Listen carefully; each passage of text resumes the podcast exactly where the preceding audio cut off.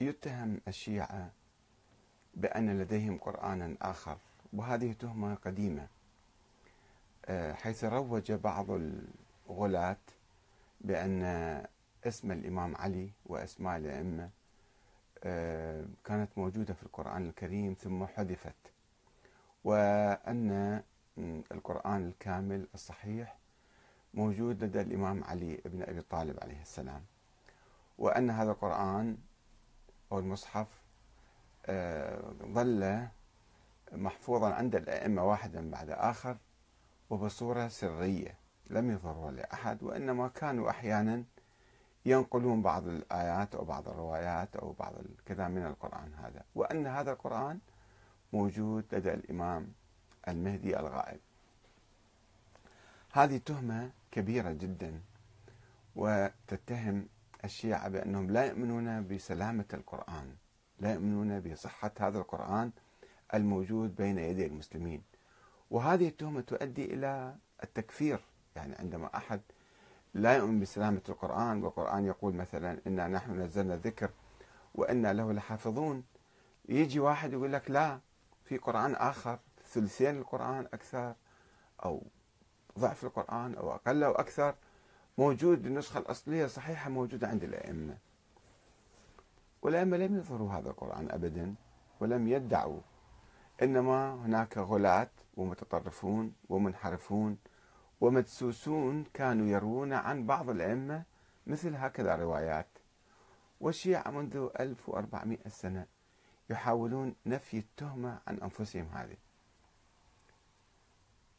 ويستعرضون قرائنهم ومصاحفهم ويقول تعالوا شوفوا في بيوتنا تعالوا شوفوا في مكتباتنا. لا توجد أي نسخة أخرى مما نتهم به بأن لدينا مصحفا آخر. في الآونة الأخيرة قبل أيام في الحقيقة مع الأسف الشديد مركز الأبحاث العقائدية الذي يفترض فيه أن يقوم بأبحاث ودراسات علمية تاريخية أو عقائدية يصدر بيانا ويقول نعم هذا المصحف موجود. وهو مصحف فاطمة وموجود عند الإمام المهدي. عندما يظهر سوف يأتينا بهذا المصحف. ويجيب روايات أحاديث موجودة في الكافي وأحاديث موجودة في بعض الكتب. من دون أن ينظر فيها من دون أن يصححها من دون أن يحقق فيها من دون أن يدرسها. أو يدرس سندها. ما أعرف من كتب هذا الموضوع. ربما طفل صغير أو شاب يعني أمي أو شيخ يعني لا يفقه من الأحاديث شيئا في هذا المركز. ومع الأسف الشديد أن هذا المركز يقال أو يكتب عليه أنه يحظى برعاية وإشراف أكبر مرجع شيعي لمرجع السيد علي السيستاني. وهو منه بريء. ما أعتقد أنه هذا موقف السيد السيستاني. إنما رجل كتب ونشر والعتبة الحسينية أيضا نشرت هذا الكلام. خلينا نقرأ نشوف ماذا كتبوا ثم نرى ما هي الحقيقة ما هي حقيقة مصحف فاطمة. أه، أشار المركز في إجابته نعم. أه، وردت أحاديث حول أه، مصحف فاطمة وعلاقته بالإمام المهدي. على وجود مصحف فاطمة من إملائها أو إملاء الرسول ما يعرف شنو هي. أصلا أسطورة أسطورة مو دقيقة مو حقيقة في كلام متناقض كثير حولها. من إملائها أو إملاء الرسول أو خط علي في بعض الروايات أن ملكا أو جبرائيل كان يحدثها ثم هي تملي عليه. ليخطه كما ورد في الكافي جزء واحد 240 أو بصائر الدرجات. وهو هل هذا قرآن كان مصحف فاطمة أو شيء آخر غير القرآن؟ في حلال وحرام أو لا؟ ما كله مجهول لأنه أسطورة. الفكر الدعاية أو الفكرة هاي كلها من أساسها مختلقة وأسطورة وغير حقيقية. إنما مكتوبة في الكتب صحيح في الكافي وبصائر الدرجات في كتب الغلاة كانت موجودة هذه.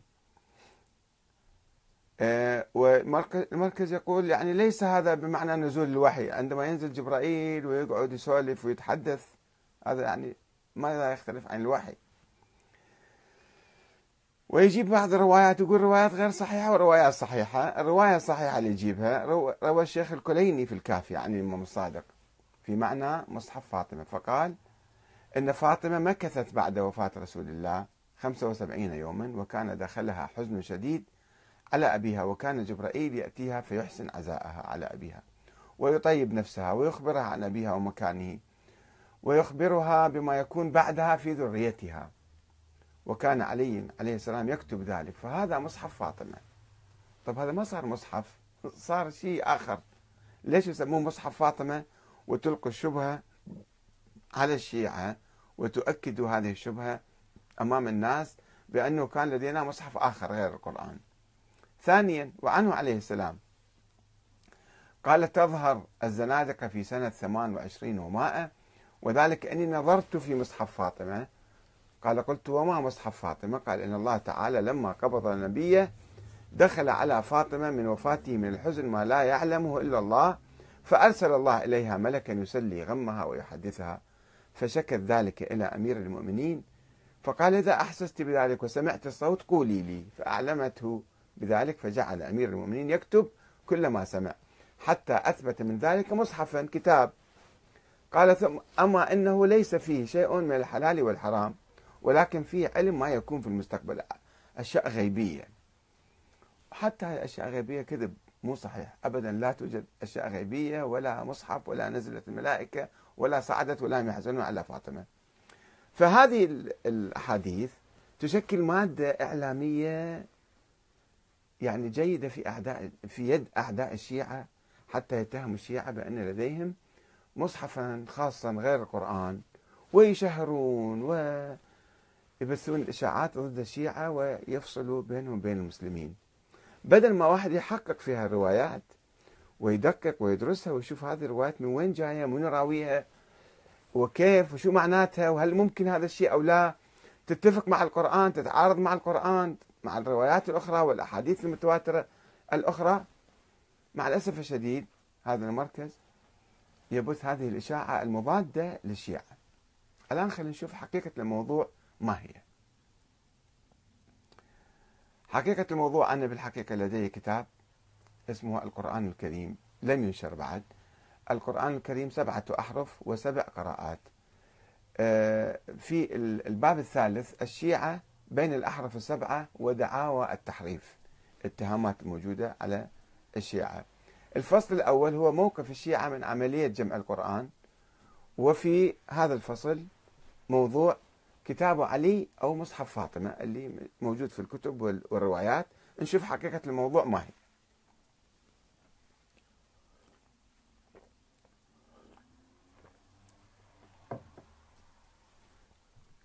يشكك الشيعة الإمامية في الروايات السنية التي تتحدث عن جمع القرآن لأول مرة في عهد أبي بكر وعمر وعثمان.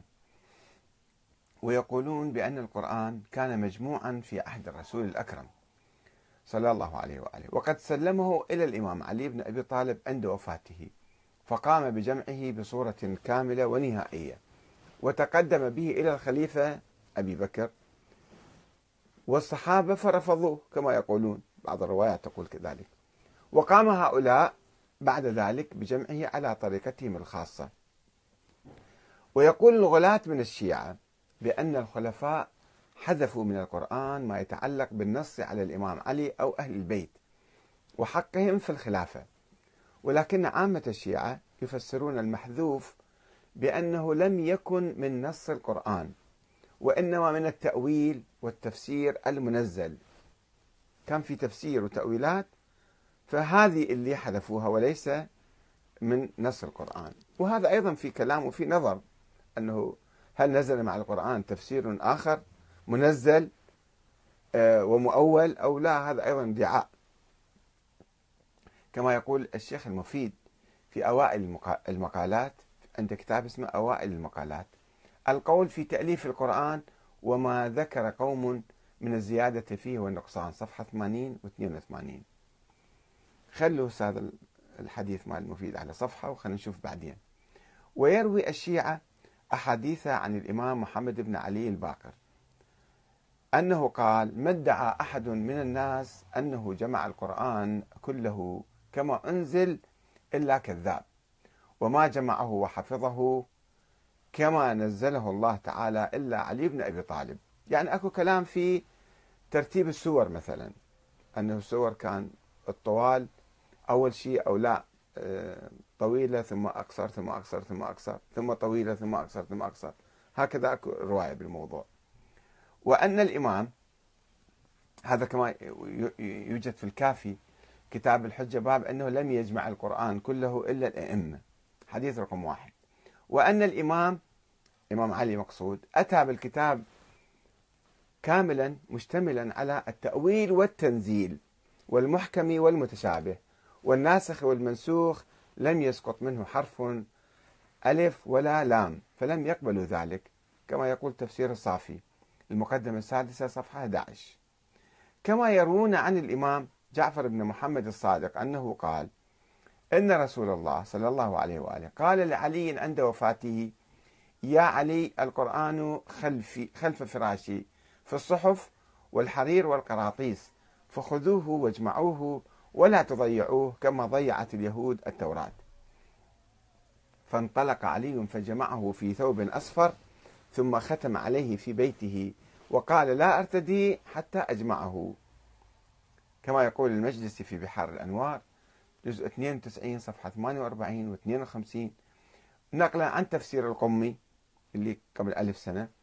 وفي البحار أيضا عن أبي رافع أنه قال أن النبي صلى الله عليه وآله قال في مرضه الذي توفي فيه لعلي. يا علي هذا كتاب الله خذه إليك. فجمعه علي في ثوب فمضى إلى منزله فلما قبض النبي صلى الله عليه وآله جلس علي فألفه كما أنزله الله يعني رتبه. وكان به عالما المجلسي البحار جزء 92 صفحة 51 52 وإن الرجل وإن كان الرجل لا يأتيه فيخرج إليه بغير رداء حتى جمعه. وأن الصادق قال أخرجه علي إلى الناس حين فرغ منه وكتبه فقال لهم هذا كتاب الله عز وجل كما أنزله الله على محمد. وقد جمعته من اللوحين. فقال هو ذا عندنا مصحف جامع فيه القرآن لا حاجة لنا فيه. فقال أما والله ما ترونه بعد يومكم هذا أبدا. إنما كان علي إنما كان علي أن أخبركم حين جمعته لتقرؤوه. وأضاف إذا قام القائم قرأ كتاب الله عز وجل على حده وأخرج المصحف الذي كتبه علي عليه السلام. الكليني الكافي الجزء الثاني صفحة 633 وقد كان الباقر يعبر عن تلك النسخة المخفية أحيانا بكتاب علي أو مصحف فاطمة. كما يقول الكليني في الكافي كتاب الحجة باب أن الأئمة قد أوتوا العلم وأثبت في صدورهم. حديث رقم ستة. وهناك رواية مفصلة عن مصحف فاطمة يرويها محمد بن جرير الطبري. ليس المؤرخ الطبري إنما واحد آخر هذا. المؤرخ الشيعي المتوفي في القرن الرابع الهجري. عن جعفر بن محمد بن مالك الفزاري. وهذا من أكبر الكذابين وأشهرهم في علم, في علم الرجال الشيعي. عن أبي بصير. قال سألت أبا جعفر محمد بن علي الباقر عن مصحف فاطمة. فقال أنزل عليها بعد موت أبيها فلما أراد الله أن ينزله عليها أمر جبرائيل وميكائيل وإسرافيل أن يحملوا المصحف فينزلوا به عليها يعني مكتوب كأنه يحملوه يشيلوه. وذلك في ليلة الجمعة من الثلث الثاني من الليل هبطوا به عليها وهي قائمة تصلي فما زالوا قياما حتى قعدت فلما فرغت من صلاتها سلموا عليها. وقالوا السلام يقرئك السلام. ووضعوا المصحف في حجرها فقالت الله السلام ومنه السلام وإليه السلام وعليكم يا رسل الله السلام. ثم عرجوا إلى السماء فما زالت من بعد صلاة الفجر إلى زوال الشمس تقرأه حتى أتت عليه على آخره. ثم ولقد كانت طاعتها مفروضة على جميع من خلق الله من الجنس من الجن والإنس والطير والبهائم والأنبياء والملائكة. فقلت جعلت فداك فلما مضت إلى من صار ذلك المصحف؟ فقال دفعته إلى أمير المؤمنين. فلما مضى صار إلى الحسن ثم إلى الحسين ثم عند أهله حتى يدفعوه إلى صاحب هذا الأمر. كما يروي الطبري في كتاب دلائل الإمامة. صفحة 104 حديث رقم 34 طبعا تشوفون أنتم هذا الحديث مال من صنع الغلاة الكذابين. وهذا آه، محمد بن آه، جعفر بن محمد بن مالك الفزاري من أشهر الكذابين في القرن الرابع. وضع أحاديث كثيرة وضع حتى في آه، الإمام المهدي في مولد الإمام المهدي كما يقول علماء الرجال أعاجيب. أنه فاطمة الزهراء مفروضة طاعتها على جميع من خلق الله من الجن والإنس والطير والبهائم والأنبياء والملائكة. في أكثر من هذا الغلو بعد شنو أساسه؟ شنو مصدره؟ من وين جاب الكلام هذا؟ وين موجود بالقرآن هالكلام هذا؟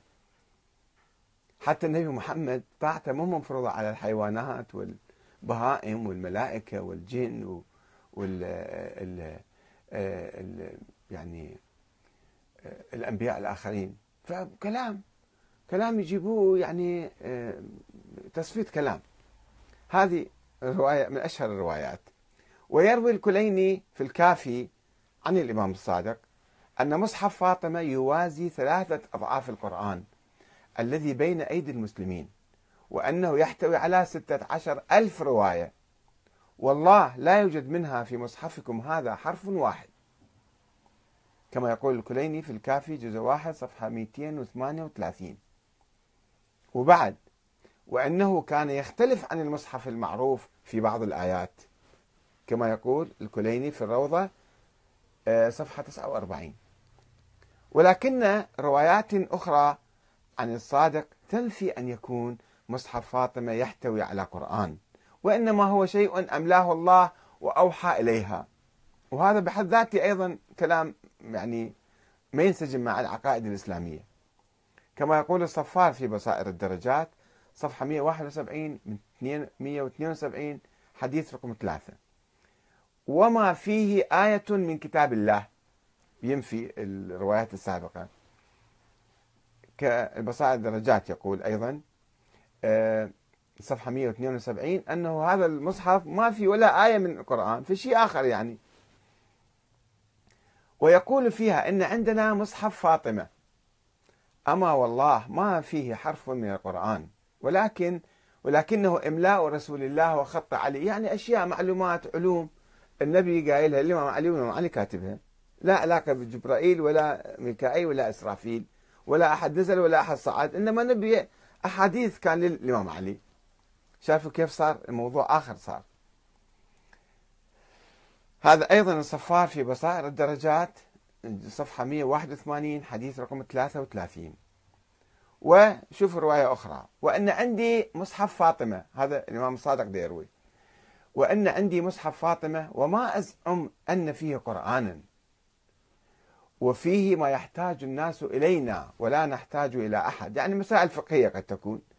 حتى أن فيه الجلدة ونصف الجلدة الجلدة أو نصف الجلدة أو الجلدة وثلث الجلدة وربع الجلدة وأرش الخدش. في الحدود في الديات في الكذا ما في شيء يعني. الكليني الكافي جزء واحد صفحة 240 حديث رقم ثلاثة. وقد رواية أخرى. وقد خلفت فاطمة مصحفا ما هو قرآن ولكنه كلام من كلام الله أنزل عليها. إملاء رسول الله وخط علي. كيف أنزل عليها وهو إملاء رسول الله. في التناقض الروايات كلها متناقضة و... وينقض بعضها بعضا. الصفار بصائر الدرجات صفحة 175 حديث رقم 14 وأن مصحف فاطمة كان يحتوي على مسائل فقهية حول الزكاة. هذه رواية أخرى. المجلس يرويها بحار الأنوار جزء 47 صفحة 227 الرواية 17 الباب 3 وربما عبر الصادق عن ذلك الكتاب بالجفر. يقول أن لدينا جفر عندنا جفر. جفر يعني جلد ثور مثلا. وهو الجلد الذي يحتوي الكتاب. عادة يحطون الكتب في جلود يعني في يحفظوها. الصفار بصائر الدرجات صفحة 175 حديث 11 وصفحة 171 حديث 2 ونظرا للاختلاف الهائل في الروايات حول كتاب علي أو مصحف فاطمة. لا يمكن الوقوف على حقيقته. هل هو كتاب واحد أم هما كتابان؟ الكتابين يعني ممزوجين مع بعض. هل هو آه، قراءة خاصة بالإمام علي على حرف من الأحرف السبعة أم كتاب يحتوي على القرآن مع التفسير المنزل من الله؟ أم هو كتاب فقهي يحتوي على الحلال والحرام؟ أم يحتوي على أنباء الغيب؟ وهل هو موجود حقا؟ أصلا كان موجود هذا الكتاب عند الإمام علي وعند فاطمة الزهراء. أم مجرد كتاب مزعوم أسطوري لا وجود له أساسا. يتحدث الشيخ المفيد اللي توفى سنة 413